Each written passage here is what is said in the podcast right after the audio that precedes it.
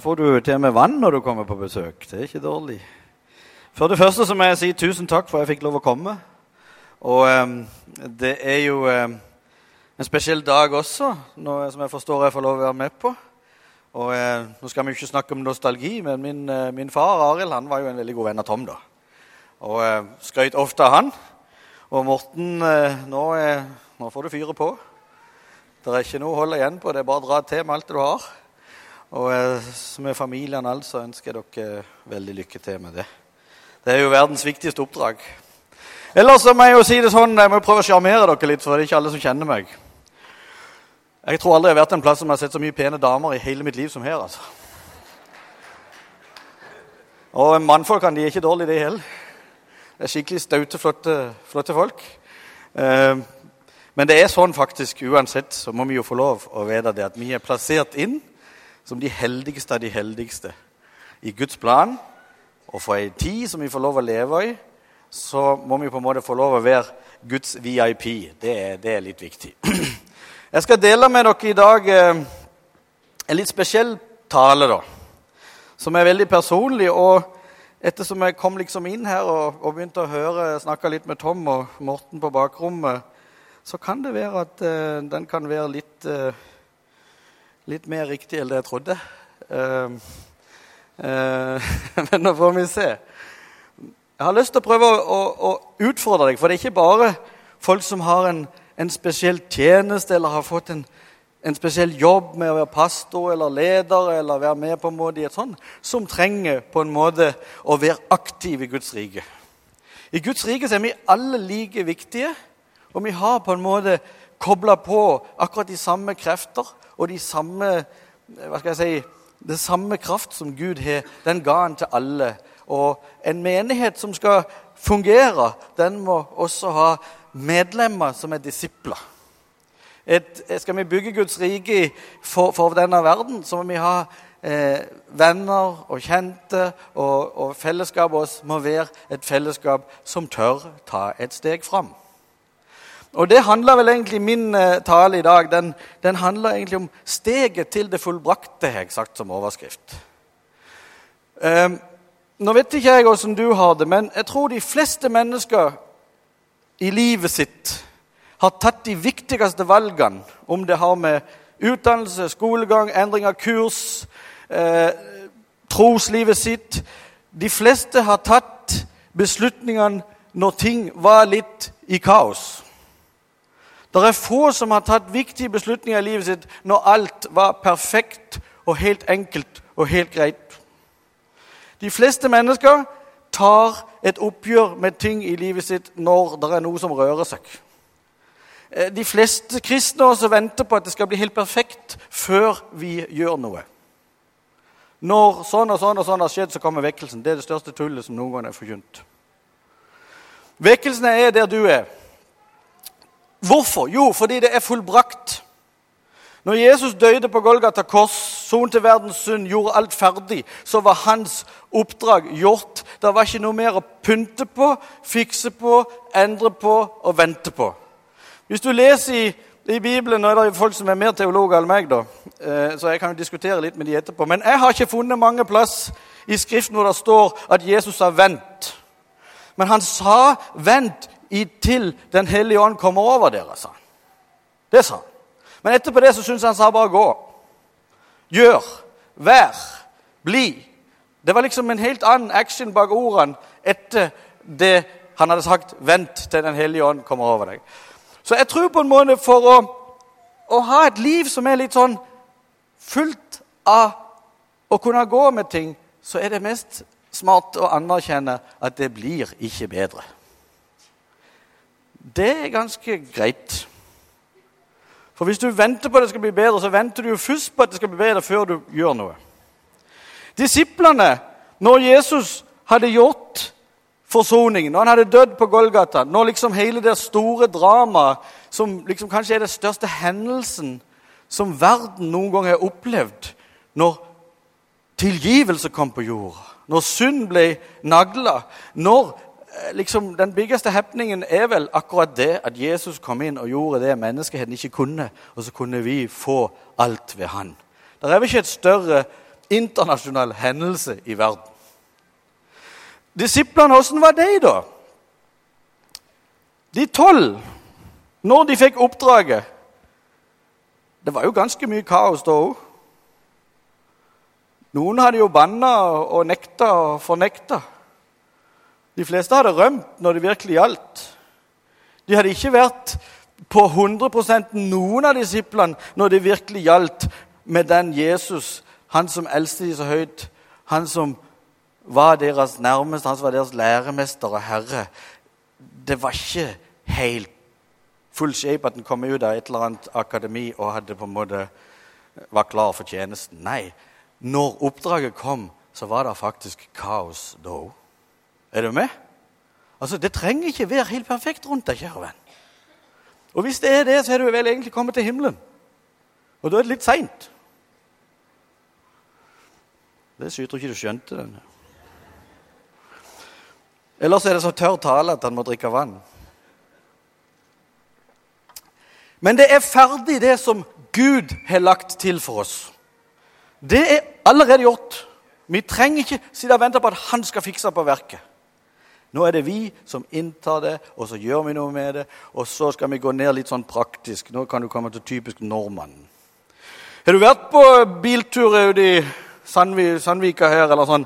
Det er en svær kø, og, og liksom folk er sinna. Nå tuter de mye mer i India enn de gjør her, eller hvor du kommer. Men, men liksom, det er tuting og det er herjing, og folk er misfornøyde. Det er et eller annet som står i veien, og på en måte Her sitter vi i kø. Men hvis du da går helt fram til den bil nummer 1, 2, 3, 4 og 5, som ser virkelig hva som har skjedd, og hva som hindrer, da er det liksom to måter å tenke på. Hvis du kommer først til at en lastebil var så uheldig han mista en palle i veien, så det går ikke an å komme forbi, så er det to måter å gjøre det på. Du kan sette deg ned og så kan du tenke å, det der Vegvesenet de gjør jo aldri noe. Vi må ringe et eller annet nummer her for å flytte denne pallen. Og så blir en sittende der og vente og klage og hyle og krige. En annen måte er jo om de fem store mannfolkene som satt i de fem første bilene, gikk bort og så dro den pallen ut av veien. Så hele køen kunne kjøre forbi etter to-tre minutter, og ikke etter tre timer når endelig Statens vegvesen kom. Jeg har bare lyst til å si det går an å gjøre noe. Hva gjorde de? Jo, de tok et steg fram, fikk vekk køen. Og sånn Praktisk i livene våre så er det faktisk veldig mye sånn det handler om i kristenlivet vårt. Vi sitter i kø, og så venter vi på at noen skal gjøre noe.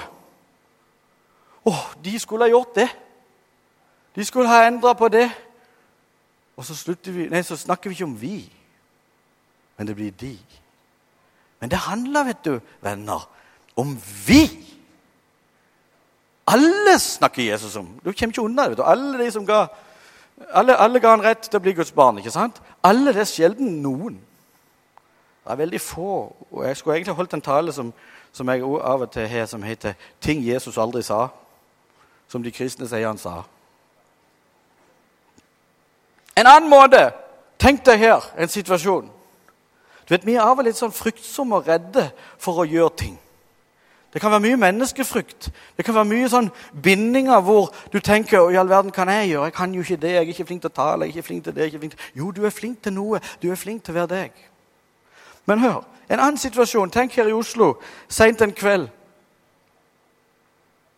Nede i, i gata så hører en plutselig at noen antaster ei dame. Og det blir skrik og hyling, og det er store, sterke typer som, som en ser er virkelig farlige. Det er en situasjon som du vil vegre deg å gå inn og liksom, iallfall lille Rune gå inn med de to store, svære gorillaene som holder på å gjøre noe. Da vet du du får skikkelig bank, eller om du til og med blir drept. Altså, Du kan komme opp i situasjoner hvor du frykter med alt du har for å gripe inn. Og Kanskje vil noen si det er feigt, men er det jo ikke helt smart å dø heller. Det er jo ikke det. Men det er måter å gjøre ting på. Og Jeg har lyst til å ta et sånt eksempel. Det var sånn en hendelse som skjedde. Og folk som så dette her fra vinduene sine i nabolaget, de frykta for å gå ned. Men hør, hva gjorde de? Jo, han første som ikke turte springe ned og stille seg mellom, han tok opp, opp, opp flere gryter så begynte han å slå med, med, med, med skjea på dem og lagde forferdelig bråk i hele nabolaget. Plutselig så var det 200 vinduer oppe, og alle kikket ut og ropte «Øy, 'Slutt med det der!' Og da stakk de av, vet du. Uten at noen ble drept. Og Egentlig er det litt sånne hendelser i våre egne liv. Noen ganger så gjør vi det så dramatisk og så vanskelig å gripe inn. Men det handler egentlig som kristne noen ganger bare å ta opp gryta og begynne å slå. Få ting til å skje. Bli oppmerksomme. Bli på en måte med på det som hender. Bli et team. Mange grytesmellere fikk redda ei dame i det smuget. Er du med? Sånn praktisk ting. Ta et steg fram, kjære venn. Og jeg har lyst, siden det var denne dagen her, til å være litt personlig med min egen liv og min egen situasjon. Jeg vet ikke hvor mange som kjenner til hvem, hvem jeg er, og hva på en måte vi har gjort. Dere er unge mennesker. Vet, jeg er jo 50 år, det er jo ingen som tror det. Jeg er bestefar. Det er det heller ingen som tror. Men det er sant. Det er så mange av dere som er unge og freshe og har liksom mye mer igjen. Kjør på for første dag. Ikke sant, dere som har 50 opp? Min far var kanskje en av de kjent, mest kjente evangelistene i Norge. Dreiv og var en anerkjent stor person i norsk kristenhet. Han drev troens bevis, for han starta det og på en måte fikk det opp å gå. Og jeg kan si det sånn, Morten, nå skal du ikke være redd. Nå skal du gi på alt du vil. Jeg skulle ta over Troens bevis arbeid, denne her store misjonsstiftelsen, og bli liksom lederen i det. Og jeg må si jeg følte meg ufattelig liten. Men ett år før min pappa døde, så sa jeg ja til det gjennom styr og masse vurderinger. og sånn. Så tenkte jeg jeg har pappa iallfall i ti år til. Så jeg kan liksom Når noe går gale, så er det jo liksom bare å spørre han. For han fikser det. Og tror jeg mange har sånne ting i livet sitt òg. Sånn. Vi, vi liksom må ha noen andre å lene på.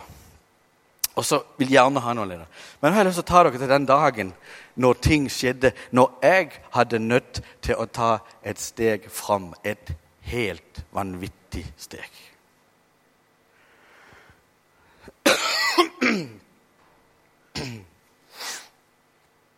Vi hadde vært på Zanzibar og hatt en kampanje i muslimske Zanzibar.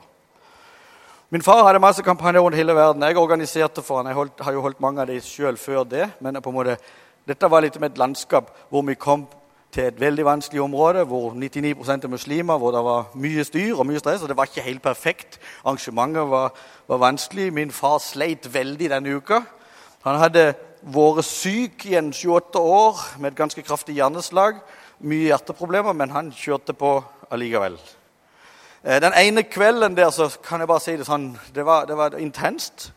For han holdt på, han på å ramle ned av plattforma når han sto og prekte. Så han kom med noen sånne pupiller med de rareste jeg har sett i hele mitt liv. Så ga han meg mikrofonen sin. Jeg orker ikke mer, nå ramler jeg, Rune. Ta over, sa han.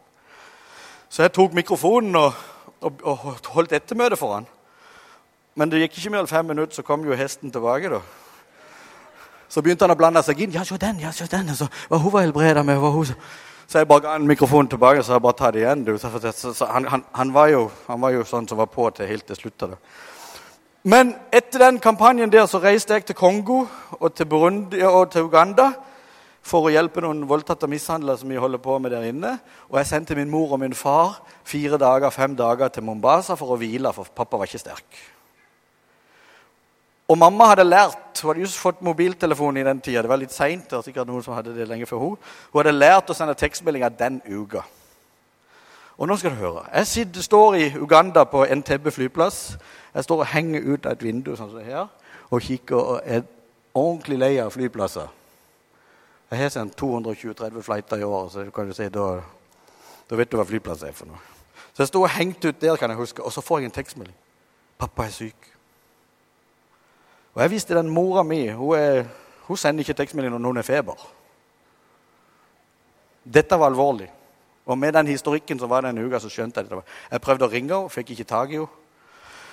Og uh, mye styr på å ringe hjem til Mona, søstera mi. Hun hadde hørt noe, for jeg skjønte dette var alvorlig. Så jeg svinger meg bare rundt der før det flyet jeg skulle ha gå. Jeg ringer til noen misjonærvenner som har fly, og bestilte lege og sa jeg må gå og gjøre noe for pappa, for jeg skjønner han er virkelig syk. Så det hadde liksom jeg gjort når jeg eh, var på vei. Jeg gikk inn i flyet og satte meg. Og jeg slo ikke av den mobiltelefonen. før vi tok A. Og jeg satt på sete nummer 18C. Jeg kommer aldri til å sitte på 18C igjen. Hvis jeg får det boardingkortet, så jeg dessverre. Hør. Da får jeg en tekstmelding. 'Pappa er død'. Og der sitter du plutselig i en hverdag hvor alt er helt normalt egentlig for alle andre.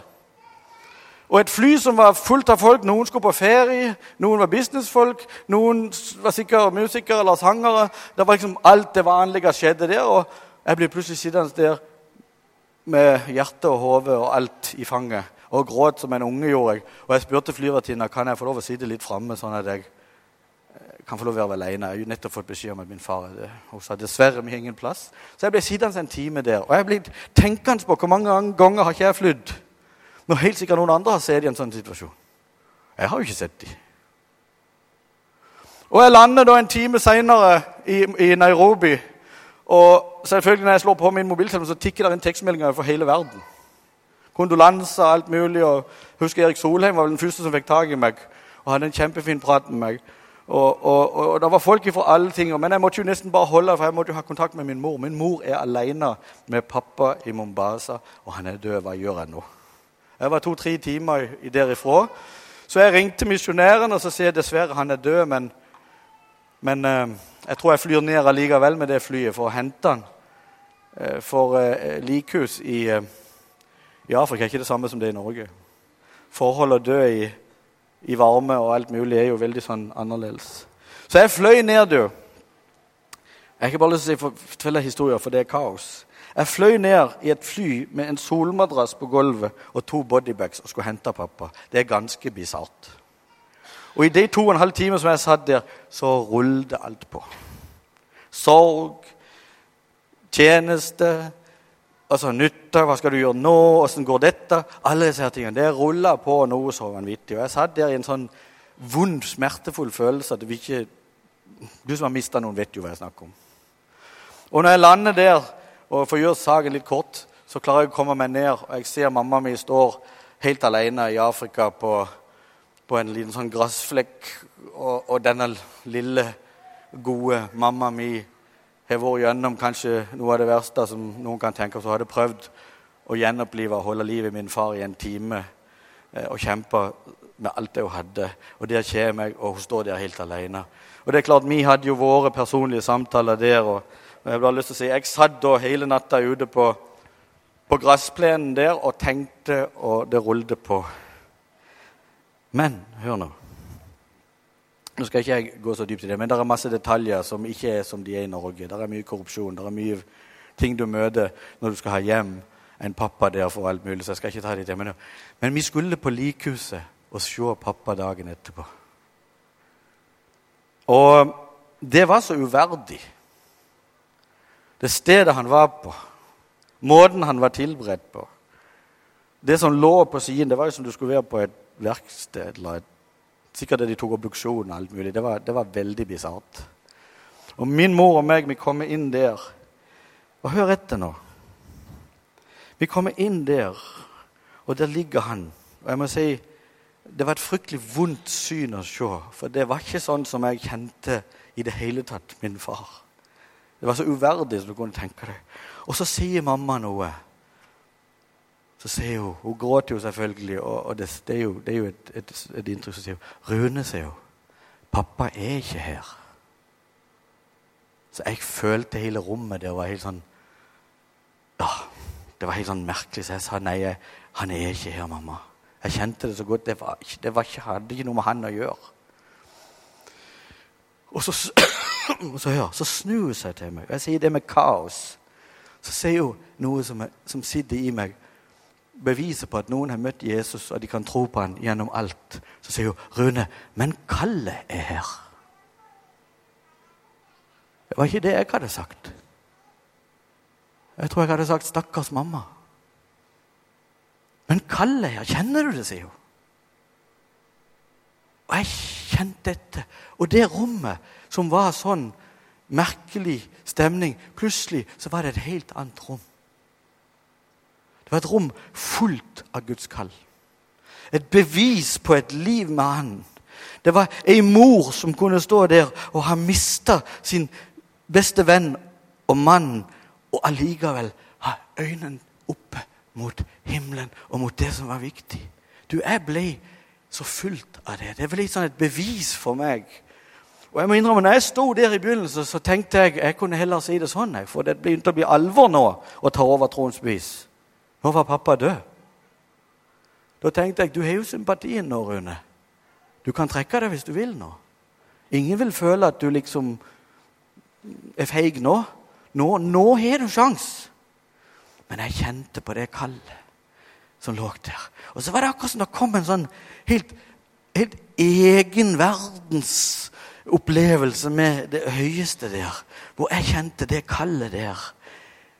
Kjenner jeg så godt Jesus. Jeg har fulgt det i mange år. Men nå skal kallet få meg. Nå skal kallet få meg.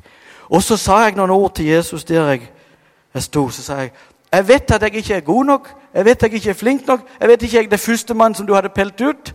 Jeg er her. Jeg kommer til å gi deg ett år med meg og alle mine familiemedlemmer. alt. Ett år skal vi jobbe som galne for at dette skal gå godt.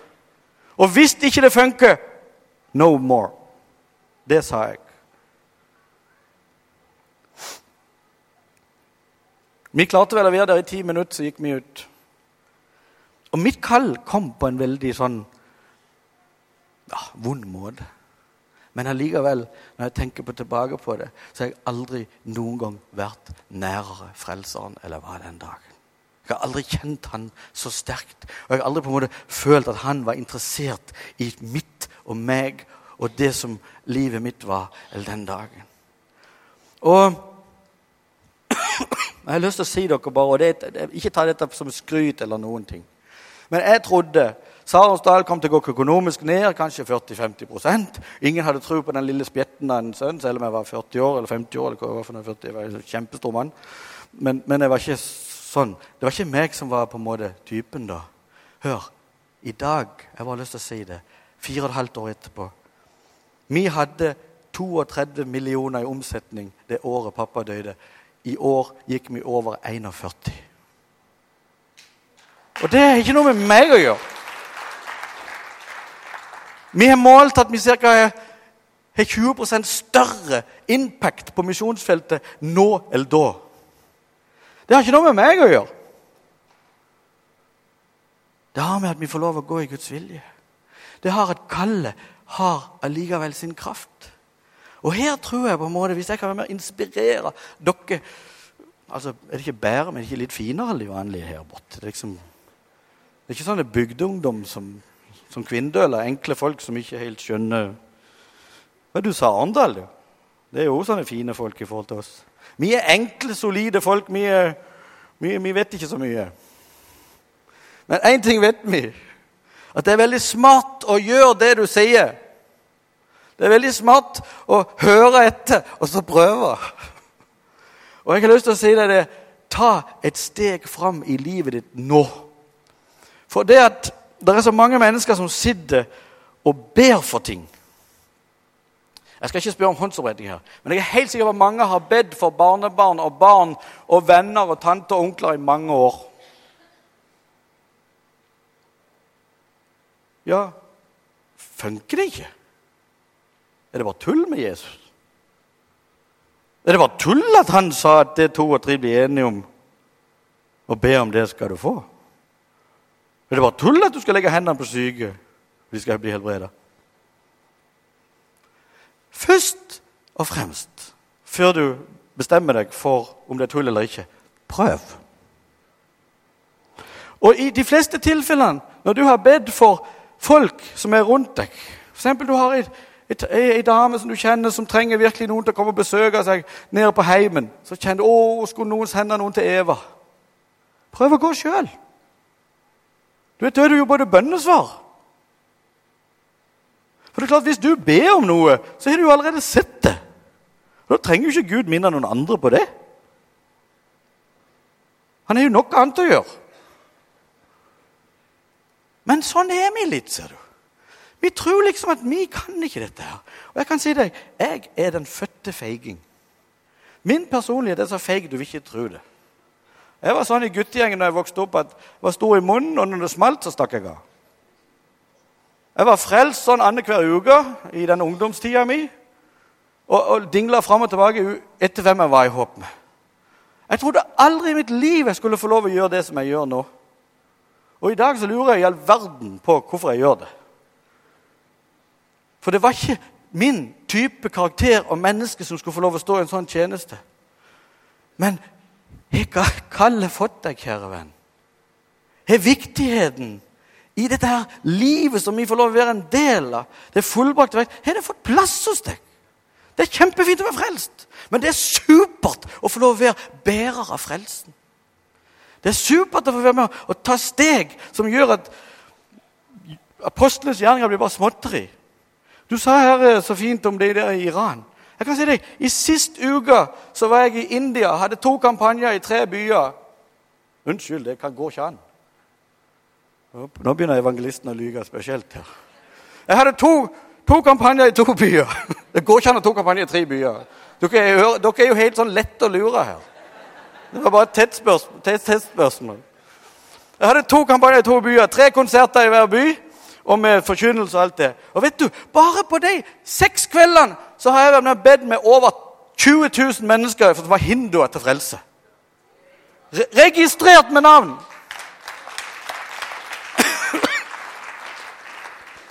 Ikke meg. Hele mitt team. Pastorer og ledere som er med nå i, på plattformen Troens bevis. Menigheter som står og backer opp. Ansatte i Troens bevis. Jeg har de beste ansatte i hele verden. Det er to som jeg mangler, men jeg har de beste, alle, alle de andre beste. Jeg har på en måte fått lov til å bli bare en del av noe som Gud vil. Og så er det ikke så fryktelig viktig med meg sjøl. Er du med? Heng på. Ta et steg fram. Prøv. Og hvis du har lyst til å se Gud virke i livet ditt, hør. Troen kommer aldri til å bli synlig for deg før du tar et steg fram. Den dagen du sa ja til Jesus, så tok du et steg fram, og så kjente du det kom inn i deg. Vil du se at vennene dine og teamene rundt deg, folk som du ber for, blir berørt, ta et steg fram inn i livene deres. Gjør noe! Så vil du se at dette evangeliet det er fullbrakte verk. Guds kraft, Den hellige ånd er med. Det er ikke et steg du kan gå på, sette din fot på noen plass uten at Jesus har vært der før deg. Det er mange mennesker som søker Guds vilje. Søker du Guds vilje, slutt å tenke på deg sjøl. Og tenk på Han. Hva er det Han vil? Han vil nå ethvert hjerte på denne jord. Vil du ha Guds vilje på livet ditt, begynn å være med og jobbe for at de får hørt det. Du er i 99% av dine bønner er du også bønnesvaret. Enkelt og greit. Har du sett det, så har du fått det. Var ikke det lett? Det var ganske logisk. Det var litt sånn kvinnestall. Bli litt sånn kvinnedøl av og til. Hvem er det fullbrakt for? Dattera di, sønnen din, tanta di, arbeidskameraten din, de som kommer i din vei i løpet av dagen. Det er fullbrakt. Det er ferdig. Det mangler ingenting for at de kan bli frelst. Ikke en, eneste ting mangler det. Unntatt at de får hørt det. Derfor driver vi med 1000 misjonærer rundt. Jeg har ikke satt et mål på 1000 nye i løpet av 2013, men det er ingen i Sarensdal som tror på det. Så nå kan dere hjelpe dere hvis dere vil. Fordi at jeg ser at det er sånn vi vinner Jesus. Vi setter folk et steg fram, får de i handling, og så skjer det. Jeg har innfødte misjonærer du, som siden jeg traff dem i 2001, har 330 menigheter nå. Finn en nordmann som har gjort det. Finn et navn! Av helten i troen. Ingen. Vi må tro og være med å bygge og legge til rette for hverandre. Ikke sant? Så eh, du kan møte hun dama der nede hvis dere vil ha noen innfødte misjonærer. Skal ikke drive for mye reklame her.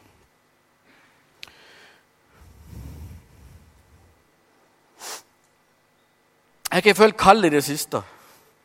At kallet har drevet og, og terrorisert meg. Og har sagt følgende til meg. Rune, tenk større.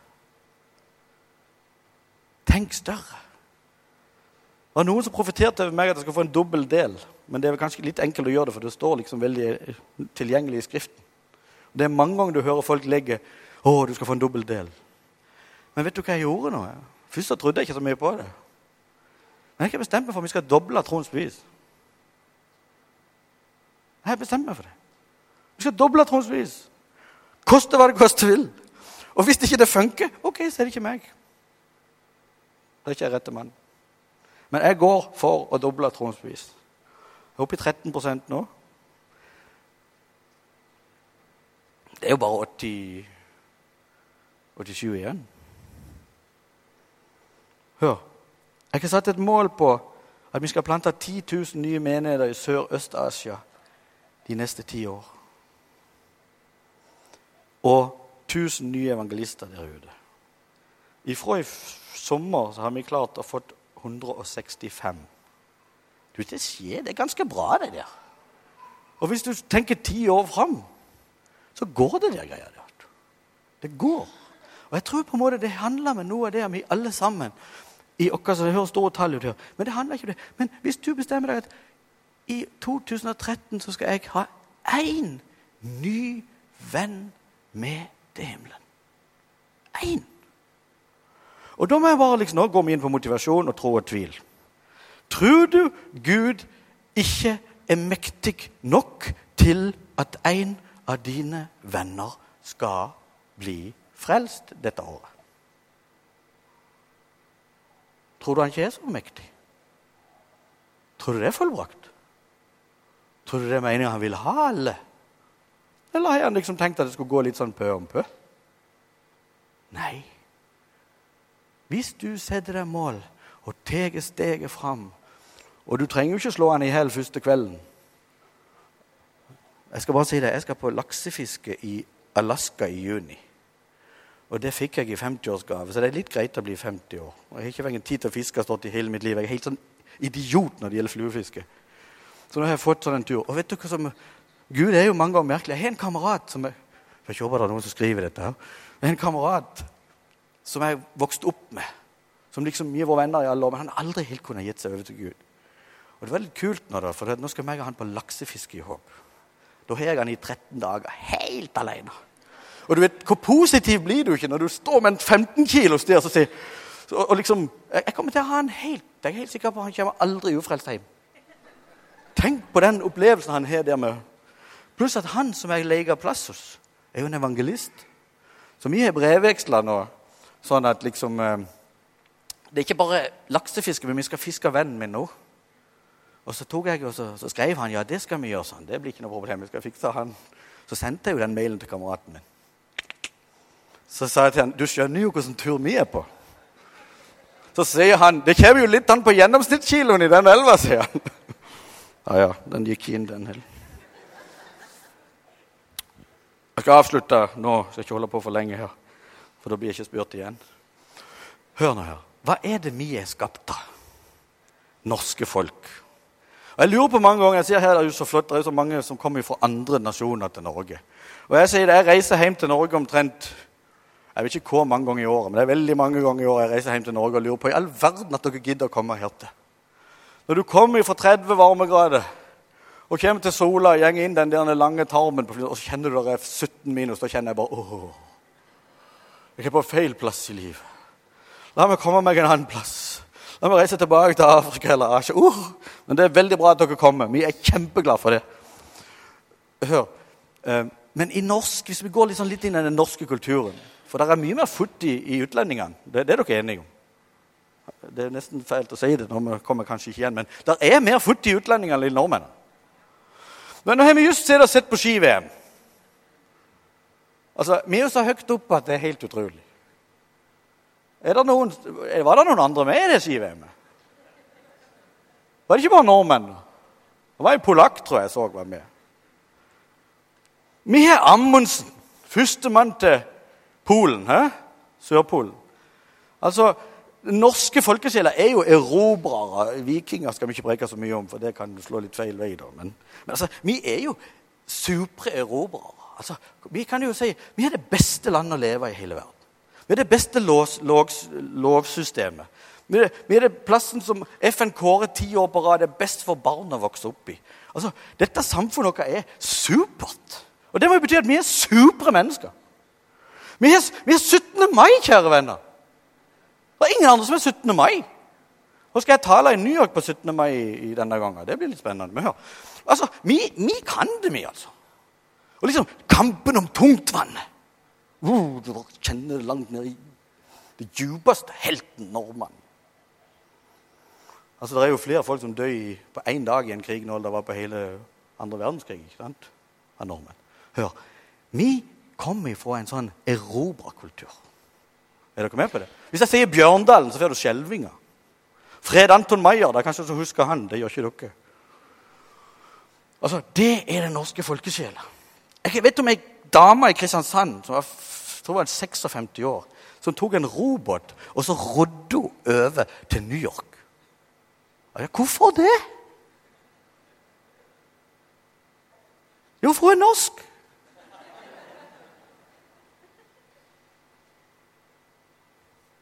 Hør. Har vi den samme gutsen når det handler om evangeliet? Altså, Mount Everest Vi var jo ikke først der, men jeg skal vedde på den nordmannen som har prøvd å hinke opp. Eller gått med et bein. eller et, eller annet. Det ligger i den norske sjela. Men i vår kirke og bedehus og forsamlingsliv har vi den samme gutsen som Bjørndalen og Snørre renner. Vi trenger ikke mobbe svenskene sånn som Northug gjør. Men vi kan gå fort på ski. Og jeg tror dette her handler om noe som er inn i våre menigheter, inn i vårt liv. Ta et steg fram, få litt action. For det er der det skjer, ser du. Vil du se tro, så får du aldri sett det, men ikke bruke det. Der tro trengs, der virker det. Og de fleste lever i dag et liv hvor tro ikke trengs. Step et steg forward. Vi er det beste på alt i verden, men dette, her, dette må dere venner som kommer fra, fra forstå at dette var en liten joke. Vi er ikke de beste i verden, men vi prøver.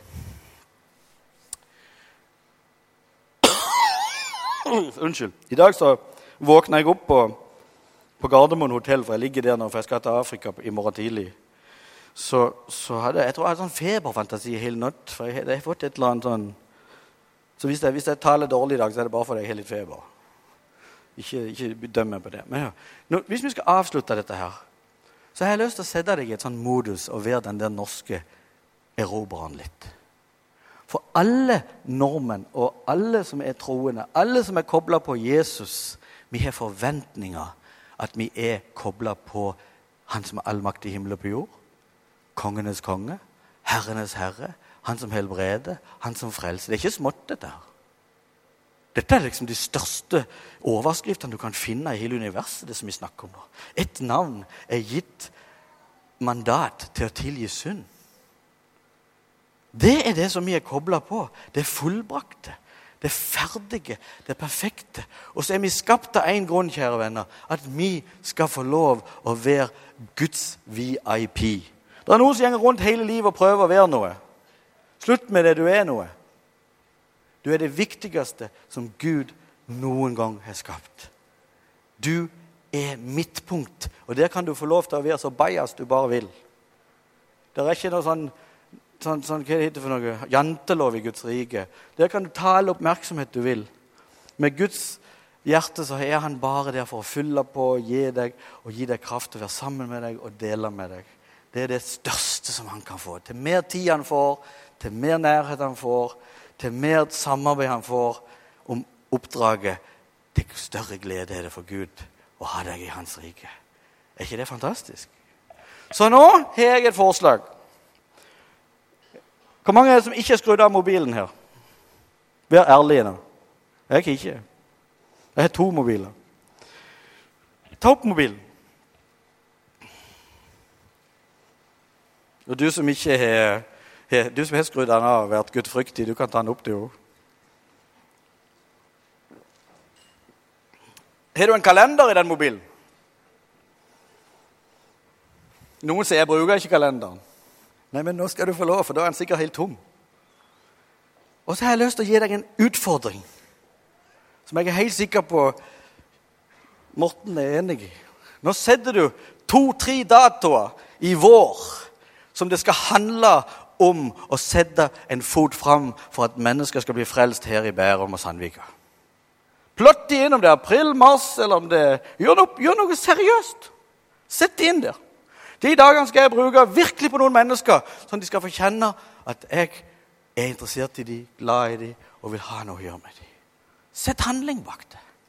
Og du vet, Når den datoen kommer, det kommer til å bli helt fryktelig. vet du. For da står han der. Men hvis ikke du setter inn dato, så er det mye enklere. Men sett noen sånne punkter i livet hvor her, Gud, her er vi på tak. Her skal vi på en måte gjøre noe. Jeg skal ikke bestemme datoene dine. Ikke ta 9. juni. Da skal det være fest. Men gjør noe aktivt og praktisk, og sett deg sjøl litt ut i den der linga der det må gjøres. Altså, Du kommer aldri til å angre på det. Du kommer til å se apostlenes gjerninger i ditt liv hver eneste dag hvis du lever sånn. Herre Jesus, jeg takker deg for, for at vi kan få lov til å være dine barn, være under din kraft, Herre, og være under det fullbrakte, ferdige verk, Jesus. Takker deg for alle som er her, Jesus. Du kjenner oss inn og ut. Du vet hvem vi er. Du er opphavet vårt. Du har skapt dere, Herre. Du ser alle ting, kjenner alle ting. Og vi er så glad, for hos deg fins det ingen fordømmelse. Hos deg finnes det bare godhet. Herre, vi ber om hver eneste livssituasjon som de enkelte er her i nå i dag. Kanskje er noen i kaos og bør ta noen bestemmelser. Kanskje er noen venter på noe. Herre, vi ber Jesus om at det fullbrakte verk må bli så synlig og så klart, Herre.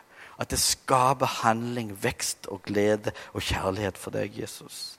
Deg for det du gjorde, det var villig til å ta det steget som trengtes, Jesus, for at vi kunne ta ditt navn på all det som vi ikke hadde, og så kan vi få det gjennom deg, Herre. Jeg ber her også for menighet som menigheten og ledelsen, og med Morten som skal fortsette, og kona, og lederskapet, far. Vi ber her om at det som er verdt her, det velsigner vi og gleder vi oss og styrker oss over, far. La det være en plattform for alt videre, Jesus. Men vi ber Herre om et gjennombrudd, far av en menighet i handling. I Jesu Kristi navn. Amen. God bless you.